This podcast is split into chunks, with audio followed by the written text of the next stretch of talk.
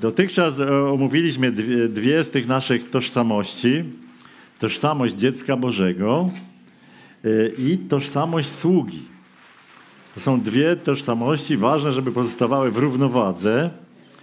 E, no bo niedobrze by było, gdyby ta zażyłość z, zażyłość z Bogiem, to bycie dzieckiem umiłowanym, szczególnym, rozpieszczonym, żeby zaważyła również na naszym szacunku do Boga, na naszej służbie.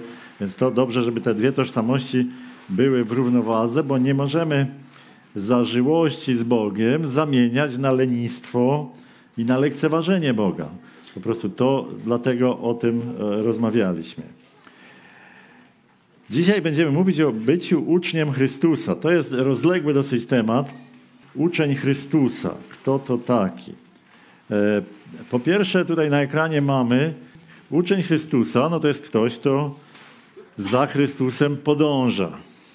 Ktoś, kto próbuje, ktoś, kto powtarza sobie te różne lekcje, które przyswoił, no i płaci cenę, koszty tego uczniostwa. Więc gdy patrzymy do Nowego Testamentu, to widzimy tam uczniów Chrystusa. E, no i widzimy właśnie, jak oni podążają za nim, i to 24 godziny na dobę.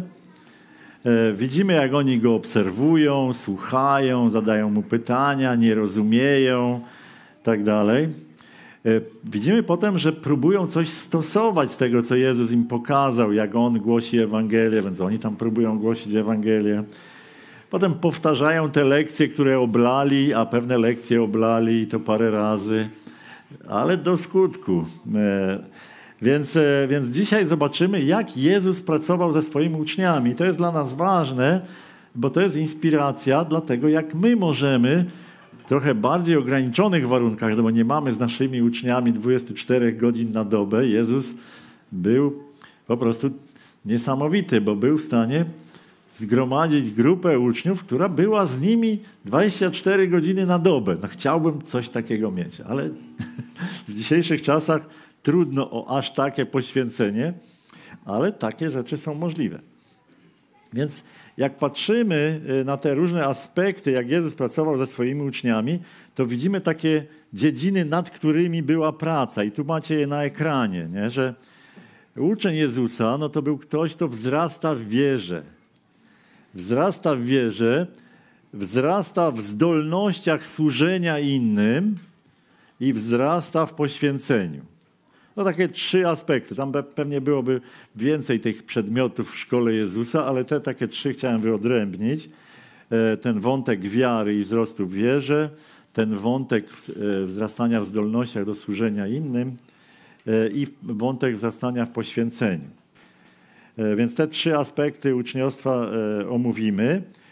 No i w związku z tym przyjrzymy się tym, jak Jezus zaczął w ogóle pracę z uczniami. No i popatrzmy, mamy tutaj tekst na ekranie. Nazajutrz znowu stał Jan z dwoma uczniami swoimi. Ujrzawszy Jezusa przechodzącego, rzekł, oto baranek Boży. A owi dwaj uczniowie, usłyszawszy Jego słowa, poszli za Jezusem. A gdy Jezus się odwrócił, ujrzał, że idą za Nim, rzekł do nich, czego szukacie? A oni odpowiedzieli mu, rabbi, to znaczy nauczycielu, gdzie mieszkasz? Rzekł im, pójdźcie, a zobaczycie. Poszli więc i zobaczyli, gdzie mieszka. I pozostali u niego w tym dniu. A było to około dziesiątej godziny. Andrzej, brat Szymona, Piotra, był jednym z tych dwóch, którzy to usłyszeli od Jana i poszli za nim. Więc e, próbując zharmonizować i e, pokazać kontekst tej sceny, to jest sytuacja, gdzie Jezus, jak gdyby prawdopodobnie po, e, wrócił po chrzcie Janowym, został wyprowadzony na pustynię, tam pościł na tej pustyni 40 dni i wrócił w te okolice, gdzie Jan chrzcił. I teraz mamy, mamy sytuację taką, że no Jan właśnie daje świadectwo o Jezusie, że to jest ten baranek Boży. To jest ten baranek Boży i ciekawe jest to, że dwaj uczniowie Jana, prawdopodobnie Jana Chrzciciela, prawdopodobnie to był Jan, autor Ewangelii e, i, e, i Andrzej oczywiście, brat Szymona Piotra, oni poszli za Jezusem. Czyli czasami jest potrzebne, żeby ktoś, kogo uznajesz za autorytet, powiedział: idziesz za Jezusem. Idziesz za Jezusem. I oni poszli. To są ci dwaj pierwsi uczniowie. I to jest, e, to jest, to jest niesamowite, że oni tak po prostu porzucili swojego dawnego mistrza i poszli za Jezusem. Nie? Więc świadectwo Jana Chrzciciela tutaj widać, że było bardzo, bardzo ważne dla nich. E, no i to e, tutaj, tutaj to określenie, to świadectwo, które dał Jan o swoim synu, że to jest baranek Boży, który gładzi grzechy świata, to jest mocne określenie. To nie jest baranek ludzki, który, którego się deleguje naszym, nakłada ręce, przekazuje jak gdyby na niego ten nasz grzech. Y, I, i na niego, i potem on jest składany w ofierze, jego krew jest y, wylewana na ołtarz, czy tam spalany jest całkowicie na, te, na tej ofierze, jako ofiara. W każdym razie tu jest powiedziane, że to jest baranek Boży. Czy to jest ktoś przygotowany przez Boga, na którego zostaną nałożone wszystkie grzechy wszystkich ludzi w całej historii i kto złoży tą doskonałą ofiarę, która nie tylko grzechy przykrywa, jak to było w Starym Testamencie, ale grzechy gładzi. To jest ta istota Nowego Przymierza. E, więc, e, więc uczniowie od razu to skojarzyli, skojarzyli to, to określenie, że to jest Mesjasz. Oni to zrozumieli. No i teraz popatrzmy, co się dzieje dalej. Więc tenże Andrzej najpierw, ten spotkał najpierw Szymona, brata swego i rzekł do niego, znaleźliśmy Mesjasza, to znaczy Chrystusa, czyli namaszczonego po grecku. I przyprowadził, i przyprowadził go do Jezusa. Jezus spojrzawszy na niego rzekł, ty jesteś Szymon, syn Jana, ty będziesz nazwany Kefas, to znaczy Piotr. Więc Andrzej po krótkim pobycie u Jezusa dochodzi do wniosku, że ten jest Mesjaszem. Tam parę godzin z nim spędził. Nie? I już wie, że to jest Mesjasz. Ciekawe rozeznanie miał duchowe, bardzo takie ostre. I od razu znajduje swojego brata, Szymona. I mówi, znalazłem, znaleźliśmy razem z Janem, podejrzewam, tak powiedział, znaleźliśmy Mesjasza, odkryliśmy, wiemy kto to jest, chodź zobacz. No i Szymon przychodzi i bardzo ciekawą zapowiedź słyszy z ust Jezusa, ty jesteś Szymon, ale ty się będziesz nazywał Kefas. Kefas znaczy kamień. To jest, to jest coś, coś ważnego tutaj zaszło. Więc e, zauważmy, że Jezus zapowiada tutaj, nie jeszcze tego nie robi, ale zapowiada, że w stosownym momencie Szymon uzyska inne imię. I to jest, to, o tym momencie też dzisiaj e, powiedziałem. Czyli e, zwróćmy uwagę, że to jest pewnego rodzaju wyróżnienie dla Szymona. Ta zapowiedź uzyskania innego imienia to jest spore wyróżnienie. E, nowe imię no niewiele osób otrzymywało w historii. Czy pamiętacie, kto otrzymał od Boga inne imię? Abraham pierwszy był, nie? Kto potem? Sara, tak. O, bardzo dobre wyedukowane towarzystwo. O Sarze ja sam zapomniałem. Okej, okay, bo myślę bardziej po męsku. Kto następny? Jakub, nie? I zasadniczo to by było na tyle chyba. Chyba, że coś zapomniałem. A, to już potem, w Nowym Testamencie. To Szaweł po Piotrze.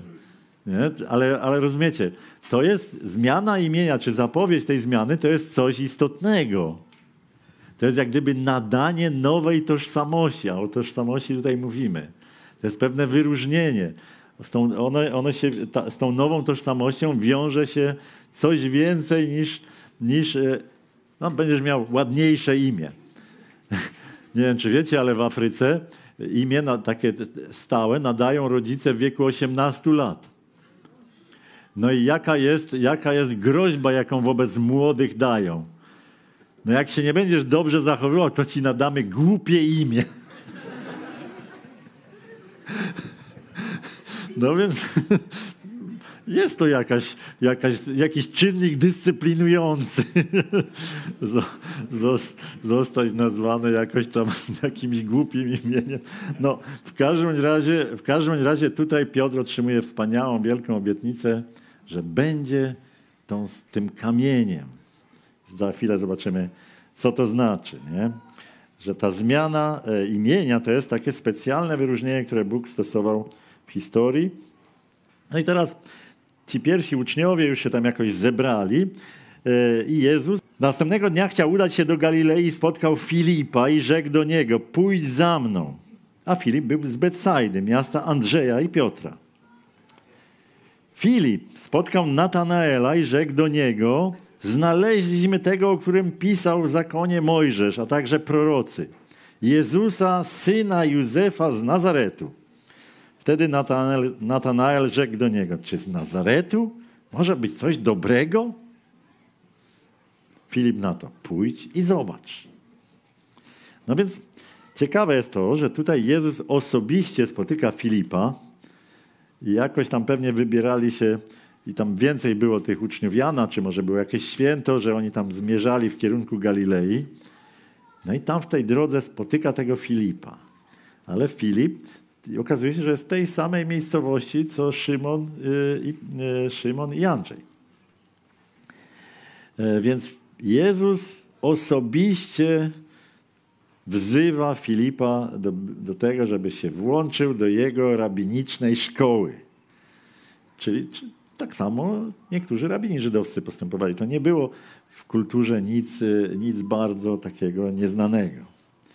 I Filip, jako uczeń tej nowej szkoły, natychmiast przystępuje do, do e, działania i spotyka Natanaela i mówi: Zobacz, zobacz. On jest tak zafascynowany, że znaleźli Mesjasza, że idą za Mesjaszem, że od razu mówi o tym: Zobacz, chodź, zobacz. No, ten sceptycznie reaguje. No, mówi, no jak, z Nazaretu? Ja tam, z Wólki Kosowskiej. Skorniaktowa. Czy może być coś dobrego? Ale jednak, jednak przyjdź i zobacz, ciekawość i tak dalej zwyciężyła tutaj, nie? E, no i Natanael chce się jednak e, osobiście przekonać, czy Jezus, że Jezus jest Mesjaszem. No i, i Pan Jezus mu to ułatwia. Czytajmy dalej. Otóż e, mamy tam takie słowa. A gdy Jezus ujrzał Natanaela, idącego do niego, rzekł o nim. Oto prawdziwy Izraelita, w którym nie ma fałszu. Rzecze mu Natanael, skąd mnie znasz? Odpowiedział mu Jezus i rzekł, zanim się zawołał Filip, widziałem cię, gdy byłeś pod drzewem figowym. Odpowiedział mu Natanael, mistrzu, ty jesteś synem Bożym, ty jesteś królem Izraela. A Jezus odpowiadając rzekł do niego, czy dlatego wierzysz, że powiedziałem ci, iż cię widziałem pod figowym drzewem, ujrzysz większe rzeczy niż to. Więc tutaj Jezus wypowiada o Natanaelu, który już jest wystarczająco blisko, żeby to słyszał, co on powiedział, wypowiada następujące słowa. Oto prawdziwy Izraelita, w którym nie ma fałszu. jak sami wiecie, czytając dokładnie Księgę Rodzaju, no to tam z tym mówieniem prawdy wśród ojców Izraela były zawsze pewne kłopoty. Abraham powiedział: No, to jest moja siostra, e, i to nie jeden raz. I jakoś za każdym razem Pan Bóg go wynagrodził, a nie pokarał. Zadziwiające. W każdym razie, e, no potem Jakub i Laban, jeden lepszy od drugiego, Rebeka. E, w każdym razie tam z mówieniem prawdy były pewne kłopoty. W, w, ogóle e, imię Jakub, no to właśnie znaczyło oszust czy ktoś taki i zostało zamienione na Izrael, nie? czyli to, to jest zupełnie przemiana już nastąpiła. Ale, ale ogólnie rzecz biorąc, jak Jezus wypowiada te, te słowa, że oto prawdziwy Izraelita, w którym nie ma podstępu, czy nie ma fałszu, to on wie o człowieku, którego nie znał, coś, co nie jest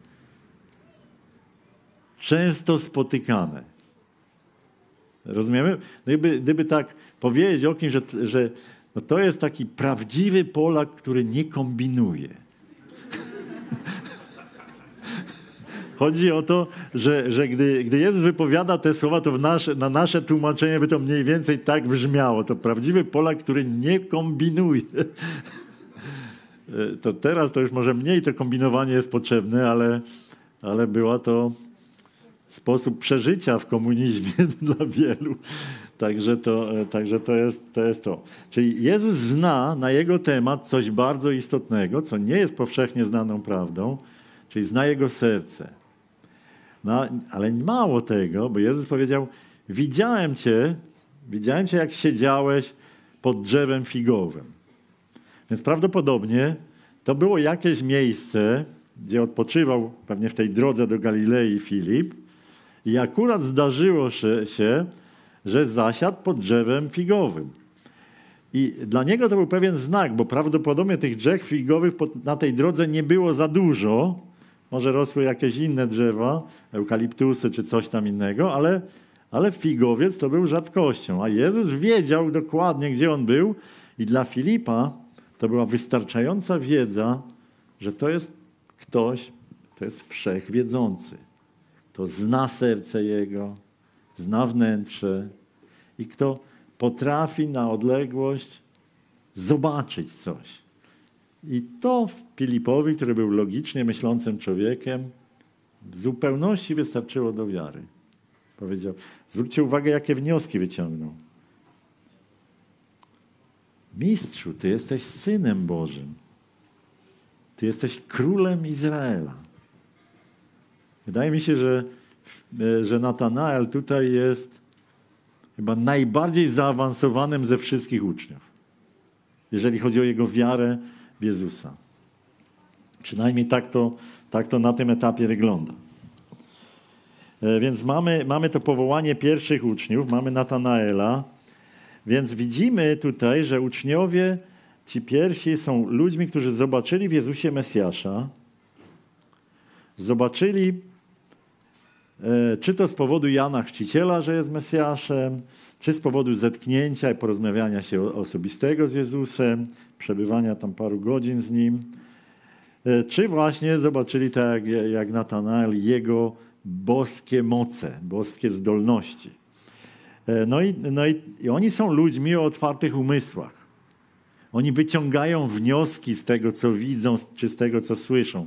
I oni za tymi wnioskami idą nazywają mistrzu. No tak się zwracano do rabina. Nie? Czyli, czyli kogoś, mistrz to jest ktoś, od kogo chce się uczyć. E, ktoś, ten mój wzór, mój nauczyciel. Tak, tak stają się uczniami. No i po pierwsze, dali się przekonać temu świadectwu, jakie Bóg dał o Jego Synu. To jest coś wspaniałego. No i potem wędrują te dwa dni przez te chaszcze nad Jordanem. No i lądują w Galilei i mamy następującą e, rzecz tam. I tam tylko urywek przeczytam. Takiego pierwszego cudu dokonał Jezus w Kanie Galilejskiej, objawił chwałę swoją i uwierzyli weń uczniowie Jego.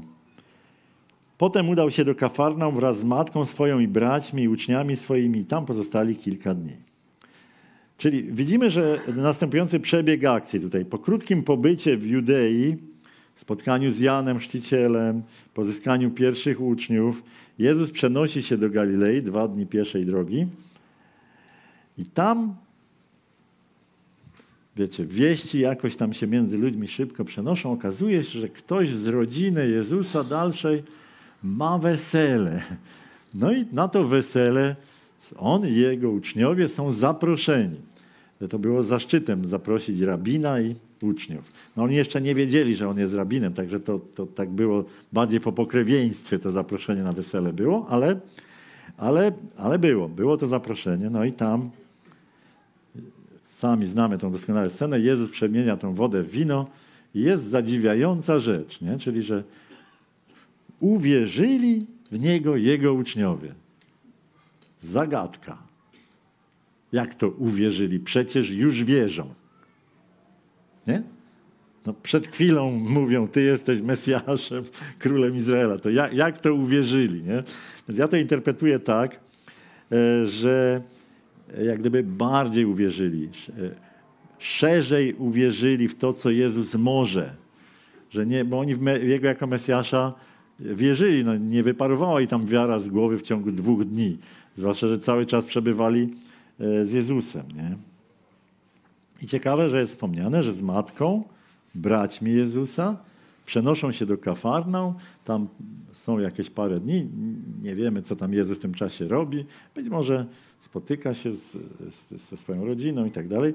I to jest, to jest, to jest, uwierzyli uczniowie, ale wiemy, że bracia nie uwierzyli z innych tekstów. Nie? Więc, więc e, widać, że tutaj, jeżeli chodzi o poszerzanie wiary, że ta koncepcja Mesjasza, ona e, była taka dosyć ograniczona w umysłach uczniów i tylko Filip jak gdyby więcej widział w tym Mesjaszu niż ziemskiego człowieka, który obejmie władzę nad Izraelem.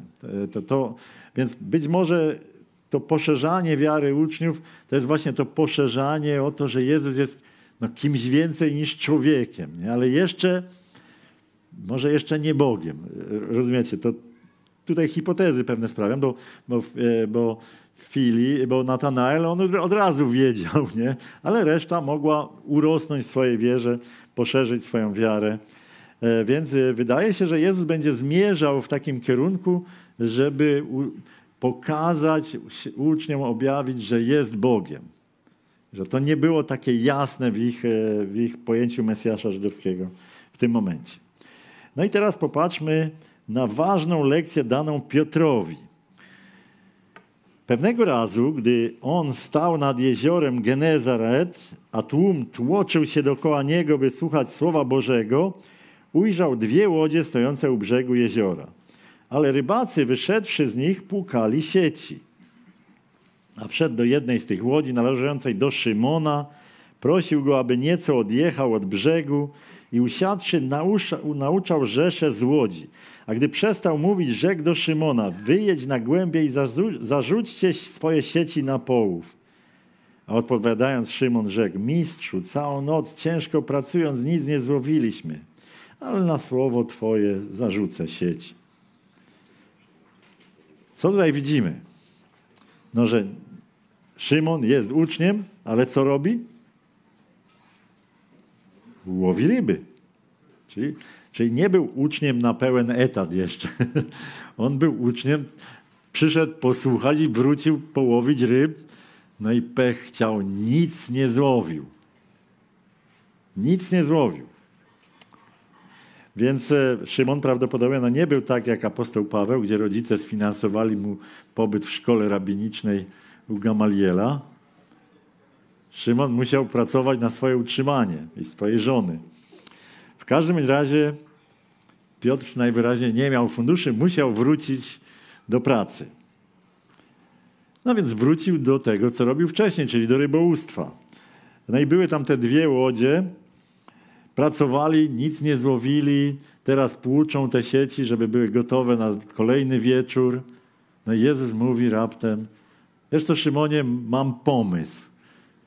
Wypłyń tam i zarzuć sieci.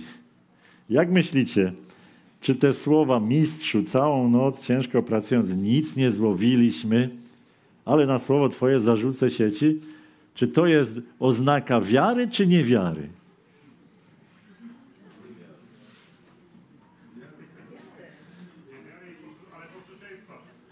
No, no właśnie, tu mamy bardzo ciekawe zagadnienie, czego to jest oznaka. Okej, okay, to nie jest takie proste, ale zawsze kontekst określa znaczenie. Okej? Okay? To popatrzmy na tenże kontekst. Otóż, e, gdy to, a gdy to uczynili, zgarnęli wielkie mnóstwo ryb, tak iż się sieci rwały. Skinęli więc na towarzyszy w drugiej łodzi, aby przyszli im z pomocą i przybyli. I napełnili obie łodzie, tak iż się zanurzały, czyli ledwo, ledwo płynęły. Widząc to Szymon, Szymon Piotr, przypadł do kolan Jezusa, mówiąc: Odejdź ode mnie, panie, bo jest człowiek grzeszny. Albowiem zdumienie ogarnęło jego i wszystkich, którzy z nim byli, z powodu połowu ryb, które zagarnęli. A także i Jakuba i Jana, synów Zebedeusza, którzy byli towarzyszami Szymona. Wtedy Jezus rzekł do Szymona: Nie bój się, od tej pory ludzi łowić będziesz. A wyciągnąwszy łodzie na ląd, opuścili wszystko i poszli za nim. Więc o czym może świadczyć reakcja Piotra na ten cud, który zaistniał? No pierwsze, musimy wiedzieć, że Piotr był rybakiem. Wiedział, kiedy ryby się łowi. No i wszyscy rybacy łowili ryby w nocy. No bo wtedy ryby wypływały na żer, były gdzieś bliżej powierzchni, no tam y, pewnie sobie chciała jakieś owady upolować, czy inne ryby i tak dalej. No i no więc wypływało się na połów w nocy. Wszyscy tak robili. Rano się przypływało z tego połowu, przepukało się te sieci, żeby tam te glony nie były gotowe do ponownego użytku, no i się szło spać. A tutaj Jezus prosi, no może byś tak udostępnił mi Twoją łódź, no bo tak, cisną się na mnie ci ludzie, jak ich nauczam, muszę ich odpychać, czy uczniowie inni muszą odpychać. Nie jest to komfortowe. Może tak bym posiedział w Twojej łodzi, no i pewnie siedzieli do południa. No i Jezus mówi, wypłyń na głębie i zarzuć te sieci. Piotr mówi, no Panie Jezu, to nie jest dobry pomysł, pewnie w sobie w głowie myśli. Przecież ryby nie biorą o tej godzinie, nie, nie, nie łowi się ryb o tej godzinie. No i nie wiemy do końca, czy Piotr tak z, posłuszeństwa, czy tak na odczep się powiedział, no do, dobra, Panie Jezu, jak tak sobie bardzo życzysz, zrobię, co sobie życzysz, ale nic z tego nie będzie. Prawdopodobnie, no tutaj trochę zgadujemy. No ale to, to zgadywanie nasze ma trochę uzasadnienia, dlatego że raptem jak złowił, idzie, kłania się Jezusowi i mówi, daj mi spokój. Ja jestem grzesznym człowiekiem. Więc gdyby, ta, gdyby to była reakcja wiary, to raczej nie byłoby takiej reakcji Piotra. Ta, tak zgaduję. No. Więc można, można jakieś inne interpretacje e, tworzyć. W każdym razie to, co się wydarzyło, jest niesamowite. Napełnienie. Jak ktoś z Was był e, nad jeziorem Genezaret, to widział te, mógł zobaczyć takie łodzie rybackie z czasów Jezusa. No, to była taka łódź, która była w stanie pomieścić 12 uczniów. E, czyli, czyli to nie, nie była taka łódeczka dwuosobowa, to była solidna łódź. No więc 12 uczniów razy 70 kilo to jest ile? No to jest tam 700, 800 kilo, nie? Ponad trochę, nie? Więc e, okej. Okay. Dwie łodzie pełne ryb. No to jest co najmniej tona ryb. Złowić tonę ryb to był majątek. Rozumiecie? Kiedyś, czy, czy, przygotując się, czytałem e, rzymskie takie e, strony o, Rzym, o Rzymianach i próbowałem dociec, jaka jest cena ryby. Jak, jak, za ile można było sprzedać rybę w Rzymie? W Rzymie ryba kosztowała, e, taka słodkowodna, kosztowała 8 denarów za 300 gram. Drogo, nie? Denar za, e, zapłata za dniówkę. Czy to by... No więc czesne za szkołę Jakuba, Jana, Szymona, Piotra zostało zapłacone. Jak ta, jak ta e, nie, nie tyle czesne za szkołę, co utrzymanie rodziny przez ten okres pobytu w szkole zostało zapewnione. Bo gdy te ryby sprzedali, żona Piotra, teściowa, e, rodzice, rodzice e, ten Zebede, znaczy Zebedeusz, jego żona, mieli zapewniony pobyt na co najmniej utrzymanie, na co najmniej dwa lata, bym powiedział może trzy nawet. W każdym razie to jest, to jest niesamowite, co Jezus zrobił i jak Jezus jest praktyczny tutaj. Wiecie, ja jako matematyk lubię takie wyliczanki i mało kto takie rzeczy zauważa, ale, ale od tego momentu Jezus mówi, odtąd będziesz ryby łowił, nie ryby łowił, ale ludzi łowił.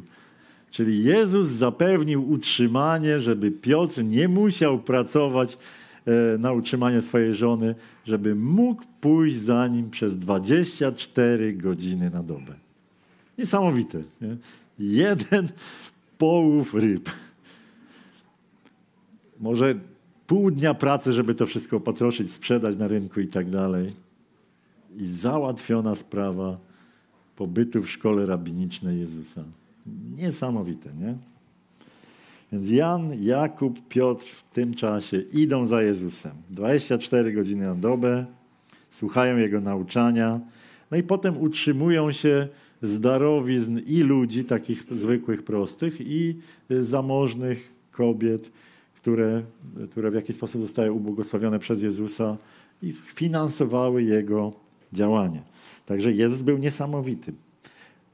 Był w stanie utrzymać swoją szkołę rabiniczną w taki właśnie sposób, że oni nie musieli pracować, rodzice ich nie musieli płacić za pobyt w tej szkole. Po prostu Jezus ich powołał i powiedział, wy będziecie na moim utrzymaniu 24 godziny na dobę i powiem wam, to nie tylko jak ja jestem, ale zobaczycie, że później też to będzie możliwe. E, więc e, to jest, to jest ten jeden niezwykły cud, który umożliwił tym uczniom e, pójście za Jezusem 24 godziny na dobę. Teraz przedmiot wiara. Sprawdzian z wiary będzie.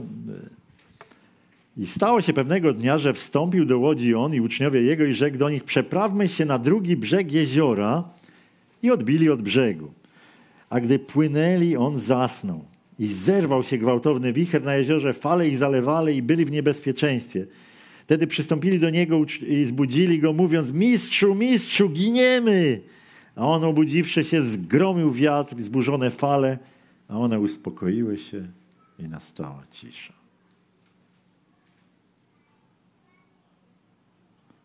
I rzekł do nich: Gdzie jest wasza wiara? Oni zaś przestraszywszy, się zdumiewali się i mówili jeden do drugiego. Któż to jest ten, że nawet wichrom, wiatrom i wodzie rozkazuje i słuchają go? No i tutaj mamy taki oblany egzamin z wiary. Jak i wiele naszych egzaminów z wiary jest oblewanych. Także nie dziwmy się, że, że tak bywa. Czego przestraszyli się uczniowie?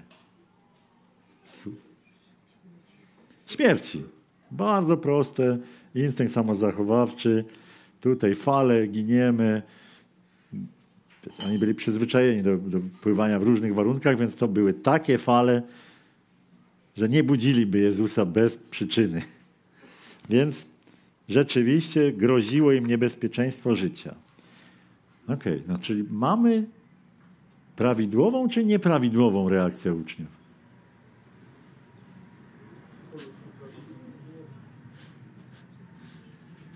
No więc jak najbardziej nieprawidłową, dlatego że potem im Jezus wyrzuca brak wiary, nie? czyli brakło im wiary. Czyli co to znaczy? Więc jeżeli widziało się takie cuda, no to drogą, drogą dedukcji powinno się było dojść do wniosku, w oparciu o to, co widzieli już wcześniej, że Jezus panuje nad wszystkim, nad, nad, jeżeli potrafi wodę, wino zamienić, to panuje nad materią, czyli nad tym światem panuje. Nie? Czyli jak jest jakaś burza i Jezus jest z nami, a Jego dzieło jest jeszcze niezakończone, to przeżyjemy. To powinna być prawidłowa reakcja wiary, nie? No Jezus dlatego mówi, gdzie jest wasza wiara? Oni to wszystko widzieli. Oni widzieli zmartwychwstanie już w tym momencie e, e, młodzieńca, wskrzeszenie zmartwych i tak dalej. Więc to, to oni wiedzieli. Oni wiedzieli, że Jezus przygotowuje ich do, e, do zadania łowienia ludzi, że to potrwa to zadanie. To wiedzieli. A jednak spanikowali. Nie byli w stanie zapanować nad swoim strachem. I to jest, co nam często też grozi. Pierwszym z misjonarzy Campus Crusade żyjącym za żelazną kurtyną był Larry Thompson.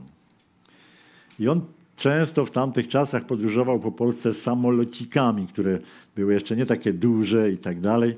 A ponieważ to były początki lotów, to się ludzie w tych samolotach panicznie bali. I Lery, żeby zaczepić, za, zainicjować jakąś rozmowę, e, po prostu siadał obok kogoś, widzi, że ten się boi i mówi do niego takie zdanie, łamaną polszczyzną. Ja jestem Lery.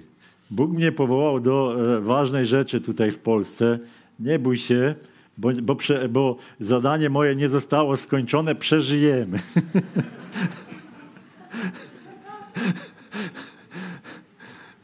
I czasami dodawał, a jak Bóg stwierdzi, że komuś innemu powierzy to zadanie, to nic nam nie pomoże.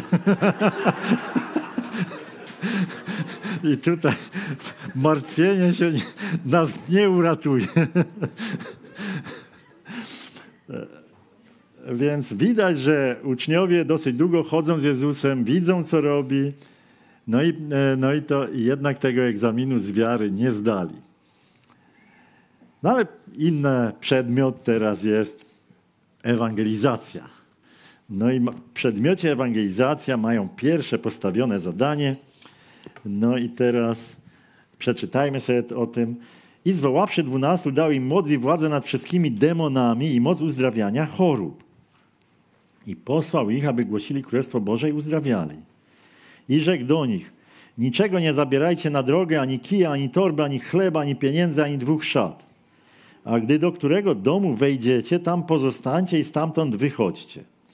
A na tych, którzy was nie przyjmą, wychodząc z tego miasta, strząśnijcie prog z nóg waszych na świadectwo przeciwko nim. Wyszedłszy więc, obchodzili wioski, zwiastując dobrą nowinę i wszędzie uzdrawiając. A apostołowie powróciwszy odpowiedzieli mu o wszystkim, czego dokonali. I wziąwszy ich sobą, wycofał się na pustkowie koło miasta zwanego Bethsaida. Więc tutaj widzimy, że apostołowie realizują pierwsze swoje zadanie.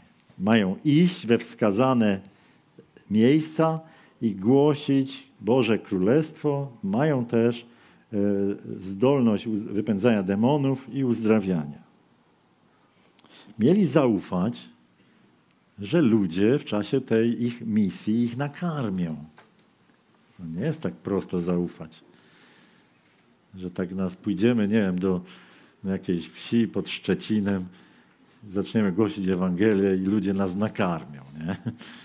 No, no to jest pewne ryzyko.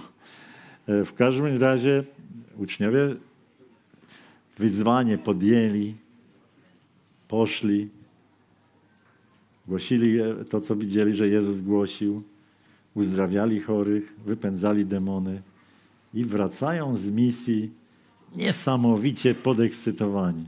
Niesamowicie. Chyba nie mogą przestać opowiadać, co Bóg zrobił w tamtej wiosce, w tamtym miasteczku. Po prostu jak Bóg zaspokoił ich potrzeby, jak się, jakie rzeczy się działy. Po prostu podekscytowani uczniowie. I w związku z tym Jezus po prostu bierze ich na osobność, żeby mogli nacieszyć się tym sukcesem, odpocząć trochę, i po prostu cieszą się, świętują. Pierwsza wyprawa misyjna, ogromny sukces, ogromne e, e, dzieła wykonali apostołowie w imieniu Jezusa. No i tam odpoczywają. Podobną misję za jakiś czas Jezus wyśle 72 i też będzie pełnym sukcesem. Czyli tych, tych 12 to byli pełnotatowi uczniowie, a tych 72 to byli tacy uczniowie, którzy w wolnym czasie byli uczniami. I to jest, e, i, i Bóg też przez nich działał, nie? Ta duchowa władza, którą otrzymali uczniowie, no jest czymś niesamowitym. To jest ta władza, którą, którą oni mieli i oni posługiwali się tą władzą. I nie wiem, czy ktoś obecnie ma taką władzę, wiecie? Dlatego, że, że e, ten okres uwiarygadniania Jezu, bo, przez Boga Ojca Jezusa, Jego służby, uczniów pierwszego Kościoła, no on się e, jak gdyby zakończył. I, i chrześcijanie różnią się w, te, w interpretacji tego, czy, czy, czy to jest, czy nie ma dzisiaj. Raczej tego nie widzę, ale co widzę? Co ja widzę? Widzę, że my mamy możliwość modlić się o chorych. Po prostu i nawet mamy wręcz nakaz, żeby się modlić o chorych. E, procedurę odpowiednią do tego, żeby starszych kościoła e, wezwać i tak dalej. Więc mamy nakaz. Pamiętam, przez wiele lat miałem nieustająco nawracające problemy z nosem. Miałem krwawienie. Po prostu ni stąd, ni zowąd zaczęło mi lecieć krew z nosa i zmagałem się z tym, no po prostu co w takim czasie trzeba było zrobić? No pójść, przyłożyć jakieś tam coś chłodnego na szyję, położyć się, pooddychać nosem, zasklepiło się do roboty. Ale to, były, to było uciążliwość pewna.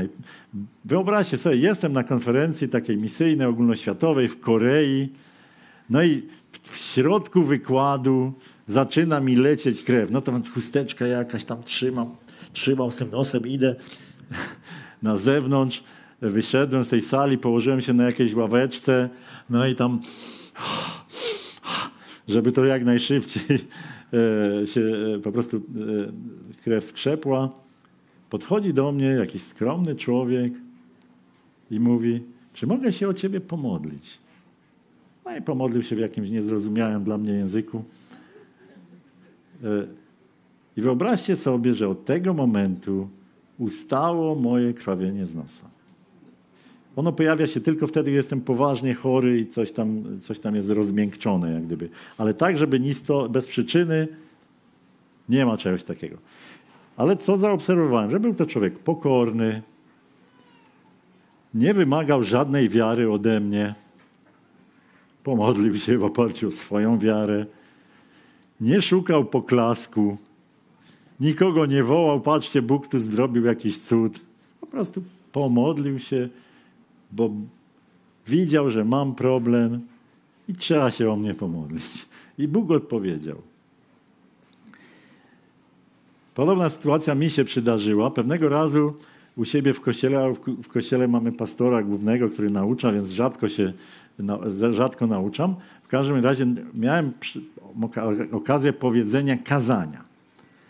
E, I po tym kazaniu podeszła do mnie pewna kobieta i mówi mi: Proszę, nie wiem, pana, nie była z naszego kościoła.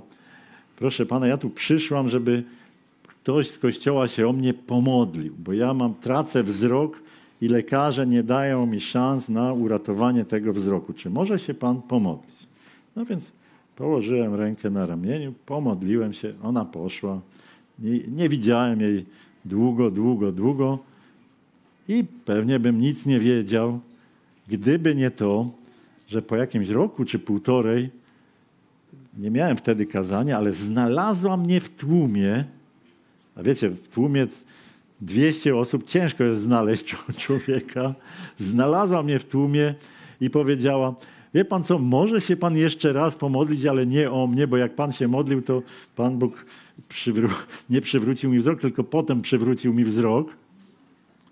I dziś widzę, ale moja koleżanka ma znowu takie beznadziejne beznadziejną sytuację medyczną. Ja już nie pamiętam, ona mi coś powiedziała, ale mi się te terminy nie trzymają głowy. W każdym razie to było coś, co, czym znowu medycyna nie mogła pomóc. Pomodliłem się, nie robiąc z tego żadnej hecy. I nie wiem, co się stało. W niebie się dowiem. Rozumiecie? Mamy przywilej, żeby się modlić. Jeżeli modlimy się z wiarą, to Bóg będzie działał. E, więc to jest, e, to jest to. Więc jak gdzieś widzimy jakąś potrzebę zdrowotną, módlmy się. Nie róbmy z tego hecy. Nie żądajmy od człowieka, o którego się modlimy, wiary. To nasza wiara ma Bogu wystarczyć. I tyle.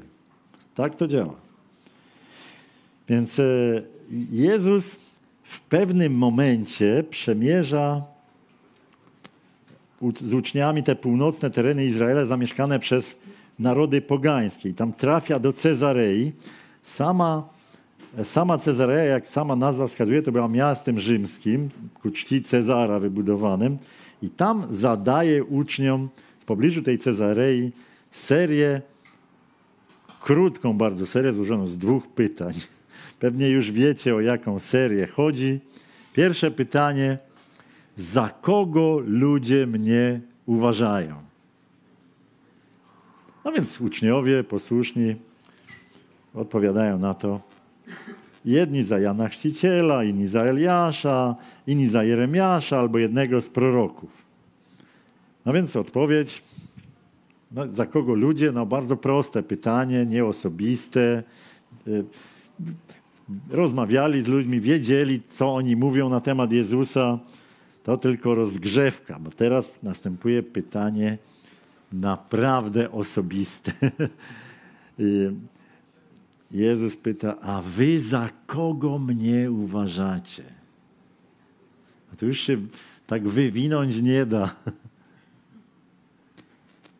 To jest serio pytanie. To jest, to jest pytanie o wyznanie wiary. I wtedy Szymon Piotr, nie wiem czy dlatego, że był cholerykiem i był najszybszy, czy dlatego, że rzeczywiście chciał w imieniu uczniów to powiedzieć, mówi, no bo czasami wiecie, w małej grupie jest tak, nie, że zadajesz pytanie, no i tylko ten największy ekstrawertyk odpowiada na to pytanie. Reszta siedzi i milczy i czeka, aż on odpowie. Być może też tak było, nie wiem, ale, ale Szymon odpowiada na to pytanie. I ta odpowiedź jest nie, i ta rozmowa z Szymonem jest niezwykła. A odpowiadając, Szymon, Szymon Piotr rzekł: Tyś jest Chrystus, syn Boga żywego. A Jezus odpowiadając, rzekł mu: Błogosławiony jesteś, Szymonie, synu Jonasza, bo nie ciało i krew objawiły ci to, lecz Ojciec mój, który jest w niebie. A ja ci powiadam, że ty jesteś Piotr. I na tej opoce zbuduję kościół mój, a bramy piekielne nie przemogą go. Więc tutaj widzimy, że Piotr daje jak najbardziej poprawną odpowiedź. Ty jesteś Mesjasz, Syn Boga żywego. Uczniowie przyłączając się już wierzyli, że On jest Mesjaszem, ale ta koncepcja Mesjasza została rozszerzona. I Piotr rozszerza ją o coś, co jest takim bardzo ciekawym dodatkiem. Ty jesteś Mesjasz, Syn Boga żywego. Równy, jak Syn Boga żywego, to znaczyło równy Ojcu. I to jest ta odpowiedź na szóstkę. Ty jesteś Mesjasz, Syn Boga żywego. Więc to jest wyznanie już dużo bardziej dojrzałej wiary niż ta, którą mieli na początku, gdzie, gdzie uwierzyli w Niego jako Mesjasza. Zobaczyli znaki, zobaczyli cuda, zobaczyli potęgę i dlatego to podsumowanie Ty jesteś Mesjasz, Syn Boga żywego, to jest takie pełne treści i znaczenia. To nie jest formułka. Oni to wszystko widzieli. No i Jezus komentuje to wyznanie Piotra, stwierdza, że taka możliwość e, poprawnego złożenia wyznania wiary jest skutkiem Bożego objawienia. Jak to rozebrać na czynniki pierwsze? Otóż uczniowie, widząc te cuda, znaki, świadectwo Jana Chrzciciela, oni usłyszeli i zobaczyli na własne oczy przez te, przez te znaki i cuda świadectwo, jakie Bóg dał o swoim Synu.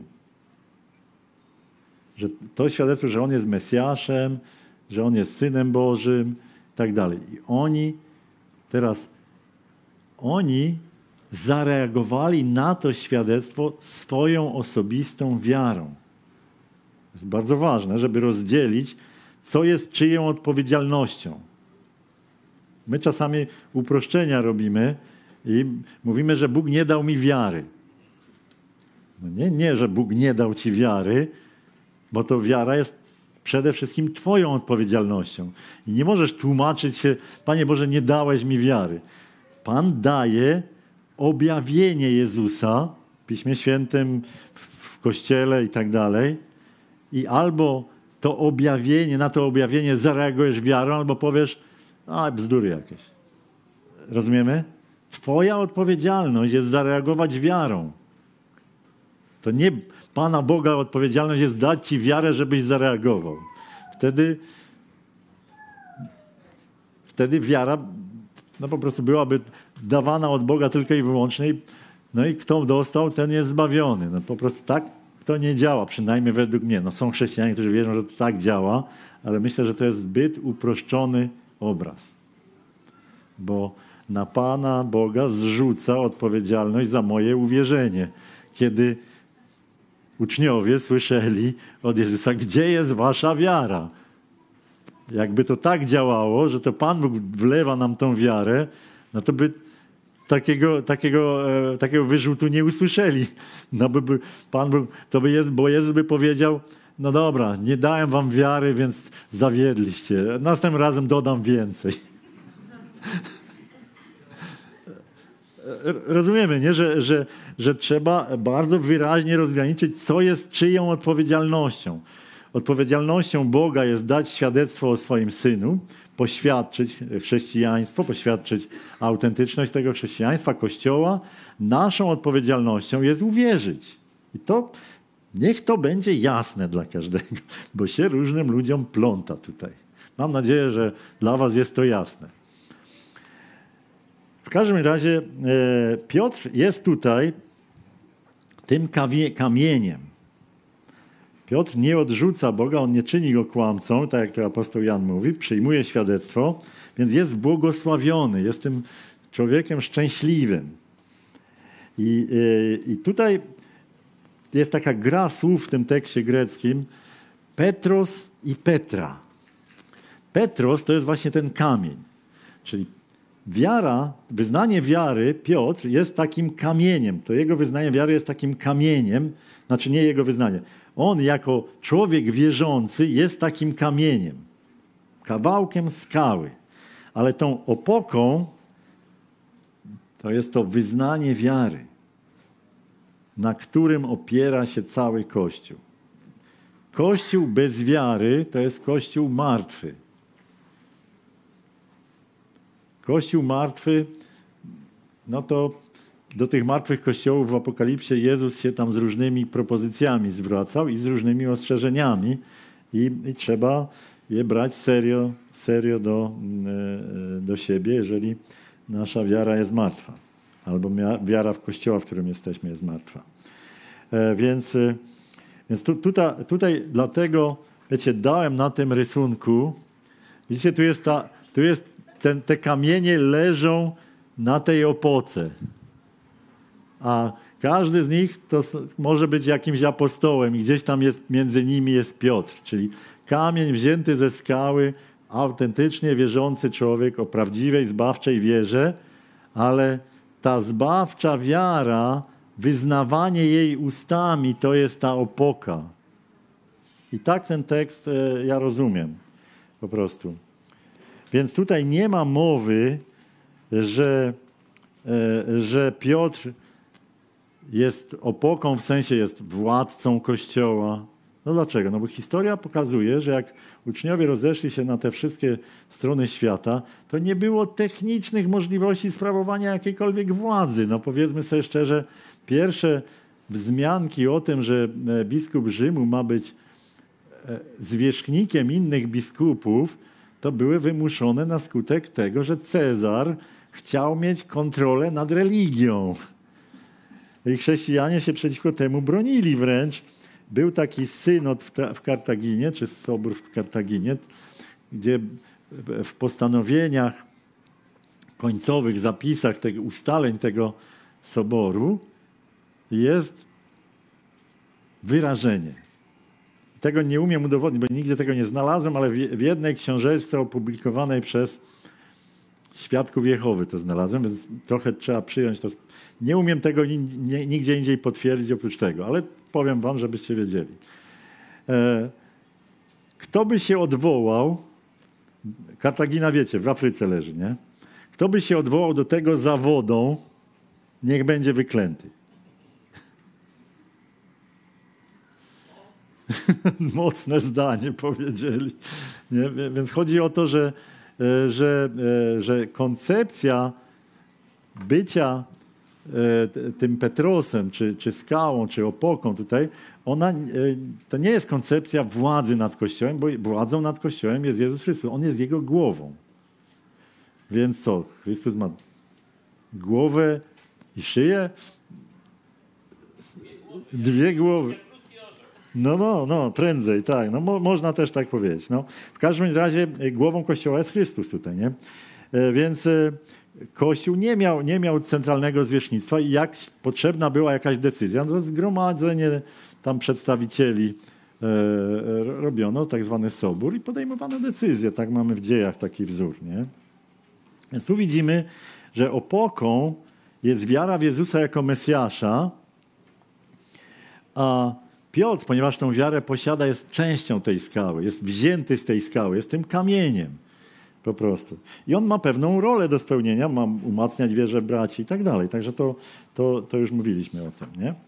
Okej, okay, dobra, no to to jest...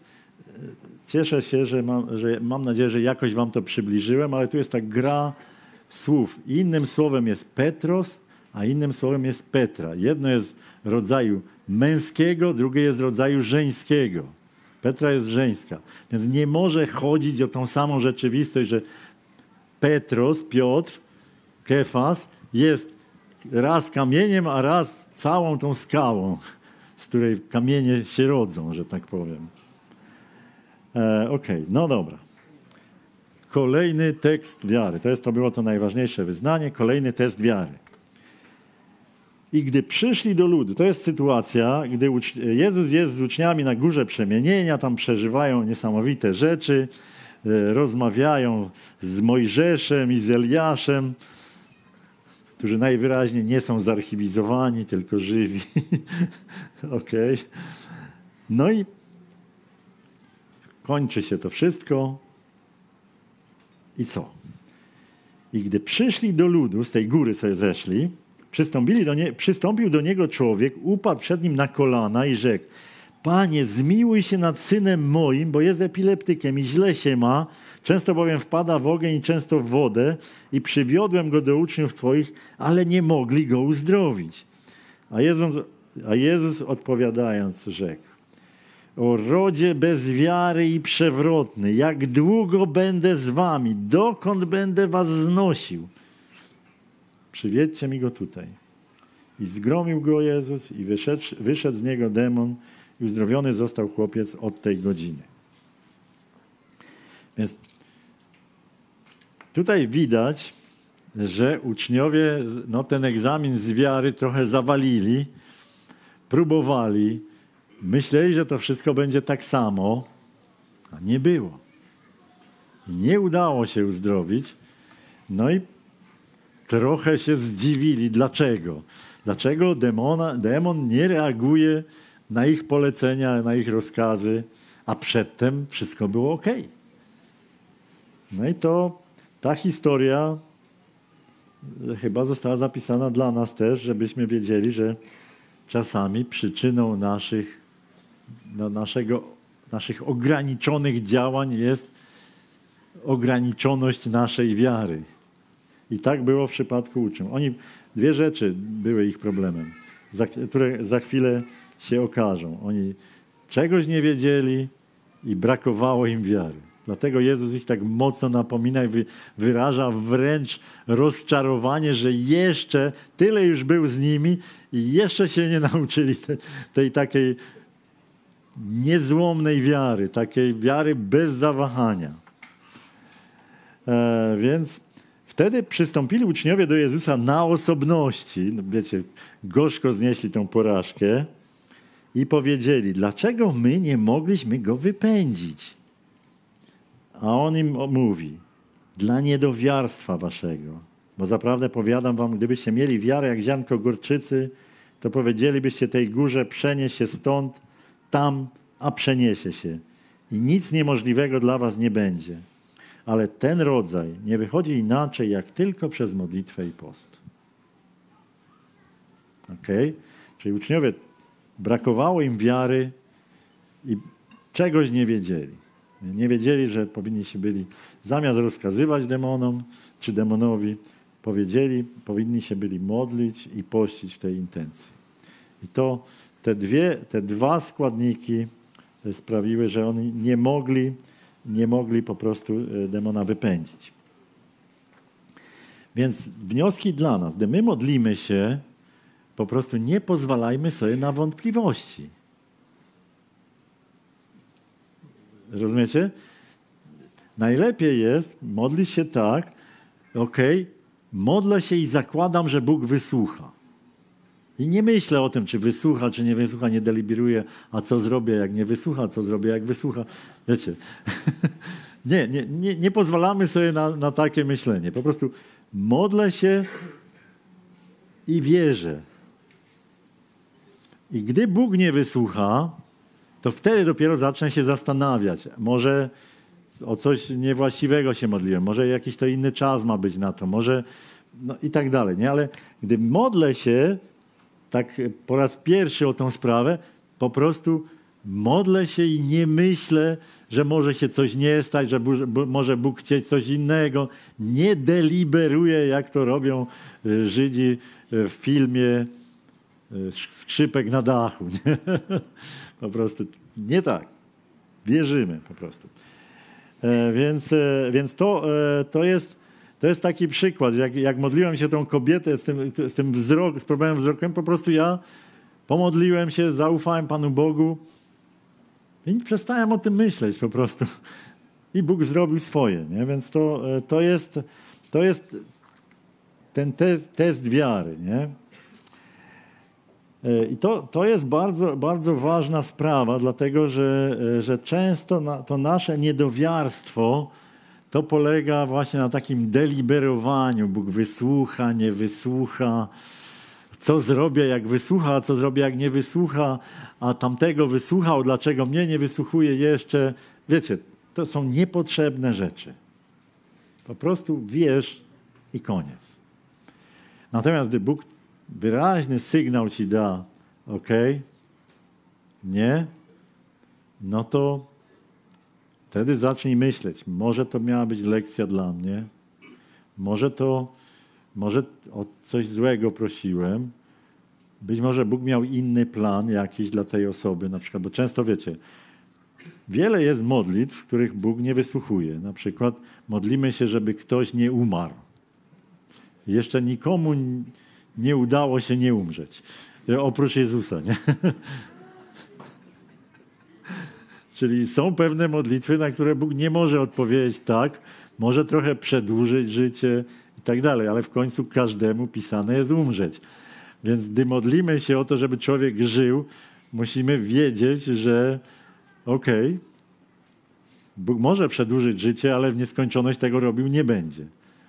Więc czasami lepiej pomodlić się o dobrą i szczęśliwą śmierć. Szczególnie jak człowiek cierpi, jak coś tam, po prostu pogodzić się z Bogiem, że okej, okay, Jego decyzji o śmierci nie zmienimy. Wcześniej czy później to nastąpi. I być może czasami lepiej, żeby nastąpiło wcześniej niż później. To są, to są dylematy, wiecie?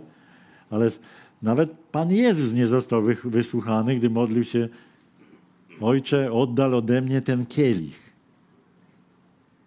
Nie został wysłuchany, ale został wzmocniony.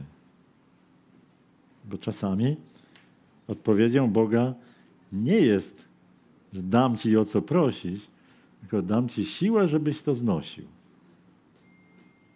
To, to jest, to, to, to są, my musimy wiedzieć, jak, jak Bóg działa tutaj, nie?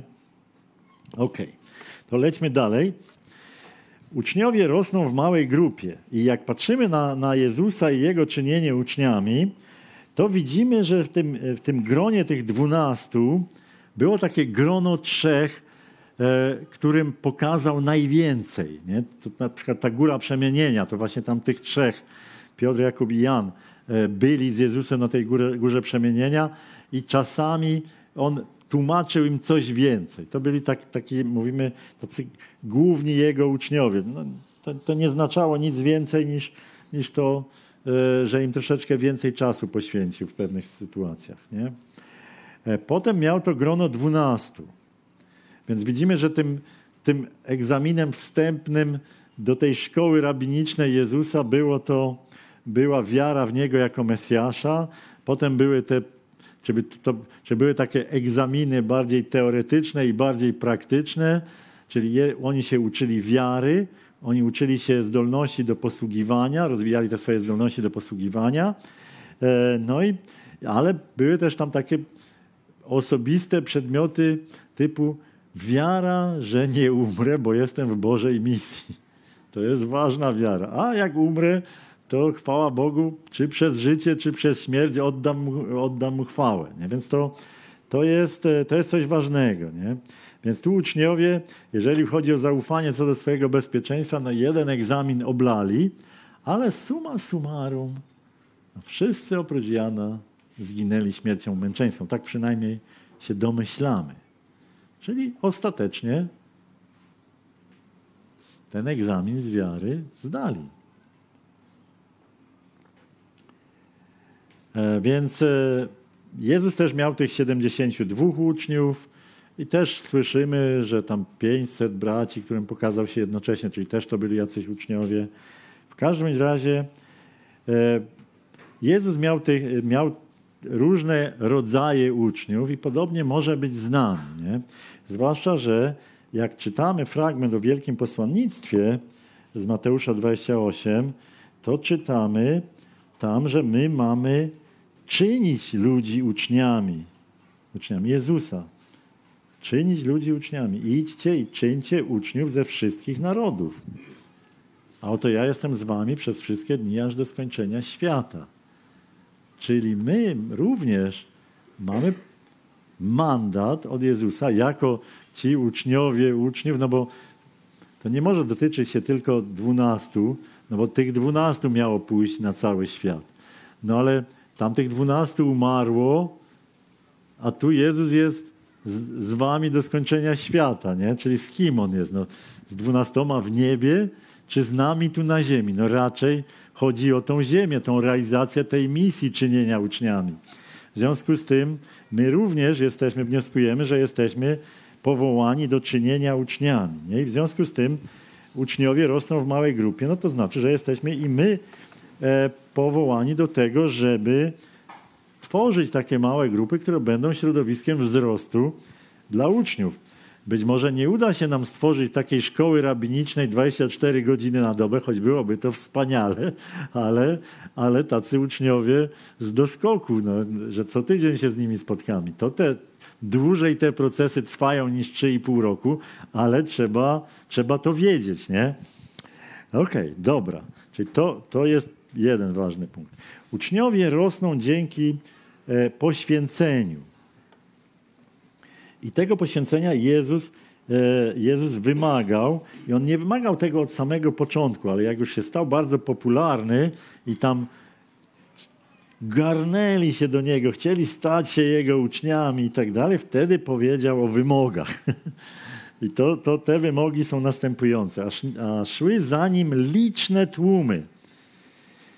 I obróciwszy się, rzekł do nich: Jeśli kto przychodzi do mnie, a nie ma w nienawiści ojca swego i matki, i żony, i dzieci, i braci, i sióstr, a nawet życia swego, nie może być moim uczniem. Kto nie dźwiga krzyża swojego, a idzie za mną, nie może być uczniem moim. I później kawałek dalej. Tak więc każdy z was, który nie wyrzeknie się wszystkiego, co ma, nie może być uczniem moim. Czyli na tym etapie popularności, gdy do, do Jezusa garnęły się tłumy, wtedy Jezus powiedział: OK, uświadomię im, że jest pewna cena, którą trzeba zapłacić. I ta cena jest niezwykła. Ta cena, tą ceną jest to, że nasza miłość do Jezusa ma być absolutnie największą miłością, jaką, jaką okazujemy. Ta miłość ma być tak wielka, intensywna, głęboka, że miłość, która zresztą jest nakazana przez pismo do rodziców, do braci, do sióstr, jest tak mała, że z perspektywy tej pierwszej jest jak nienawiść. Rozumiemy? To, tu jest pewna hiperbola, nie? że to nie ma w nienawiści, to, to chodzi o podkreślenie tego, że tam to oddanie, miłość do Jezusa musi być tak wielka, że wszystkie inne miłości to jest nic, jak gdyby. To nie znaczy, że nie mamy się tam starać. Mamy się starać, ale absolutna przewaga tej miłości e, musi być. E, więc to jest pierwszy wymóg. Miłość do Jezusa. Największa miłość. Drugi wymóg niesienie krzyża. To też jest często niezrozumiałe. Kim był człowiek, który niósł krzyż? Może ktoś rzucić jakąś odpowiedź?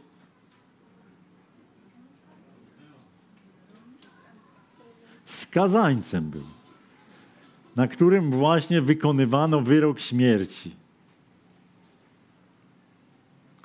Czyli my, jako uczniowie, jesteśmy takimi skazańcami i wyrok śmierci gdzieś czeka. Bliżej, dalej. Ta droga do tego krzyża, niesienie tego, tej belki poprzecznej może być dla jednego dłuższa, dla drugiego krótsza, ale też tak musimy się traktować, i, czyli musimy być gotowi na śmierć z powodu Jezusa. Na szczęście na razie jeszcze żyjemy, gdy nikogo nie, nie skraca się o głowę, ale był taki czas, gdzie pewien biskup polski, Hozjusz bodajże, Gdański napisał Gdybyśmy nie wyżynali anabaptystów w pień, dawno by już zalali cały świat. Więc w czasach reformacji anabaptystów tak traktowano. A kto to jest anabaptysta? No ten, który chci ponownie. W sensie takim, że nie uznaje tego chrztu niemowląt. Ok. Trzeci warunek. Wyrzeczenie się wszystkiego, co posiadamy. Bardzo trudny warunek.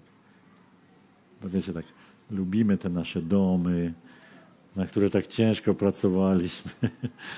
E, lubimy te nasze działki, samochody i tak dalej. Trzeba być gotowym że jak trzeba, się rozstaję z tym. Nie mogę być emocjonalnie z tym związany. Po prostu muszę być wolny, żeby służyć Bogu.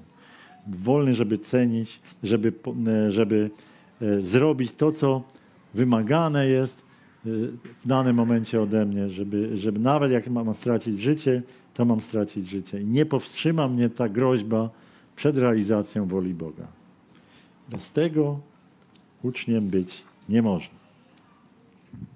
Ciekawe jest to, że w dziejach apostolskich obserwujemy e, ciekawą rzecz, że każdy chrześcijanin tam był nazywany uczniem. Czy jakoś tak, nie wiem, zapomnieli o tych wymogach Pana Jezusa, czy, czy może mówili, ale tamci się zgadzali. Być może to jest e, prawdziwa, prawdziwa hipoteza, że oni też byli gotowi na śmierć, też byli oddani. E, jedni byli w, tym, w, tych, w gronie tych uczniów, jednym, jedni byli liderami utrzymywanymi przez Kościół, inni byli pracownikami żyjącymi z biznesu czy roli, inni byli niewolnikami, ale wszyscy byli uczniami. To jest niesamowite. Uczniami Chrystusa. I podobnie dzisiaj powinno być, że my wszyscy powinniśmy być uczniami Chrystusa. To jest bardzo ważna rzecz i każdy z nas powinien starać się o to naśladowanie Chrystusa, rozwój naszej wiary, rozwój naszego poświęcenia, rozwój naszych umiejętności służenia ludziom. To, o to powinniśmy się starać jako uczniowie, bo bez tego trudno będzie być ambasadorami, o czym będziemy mówili jutro.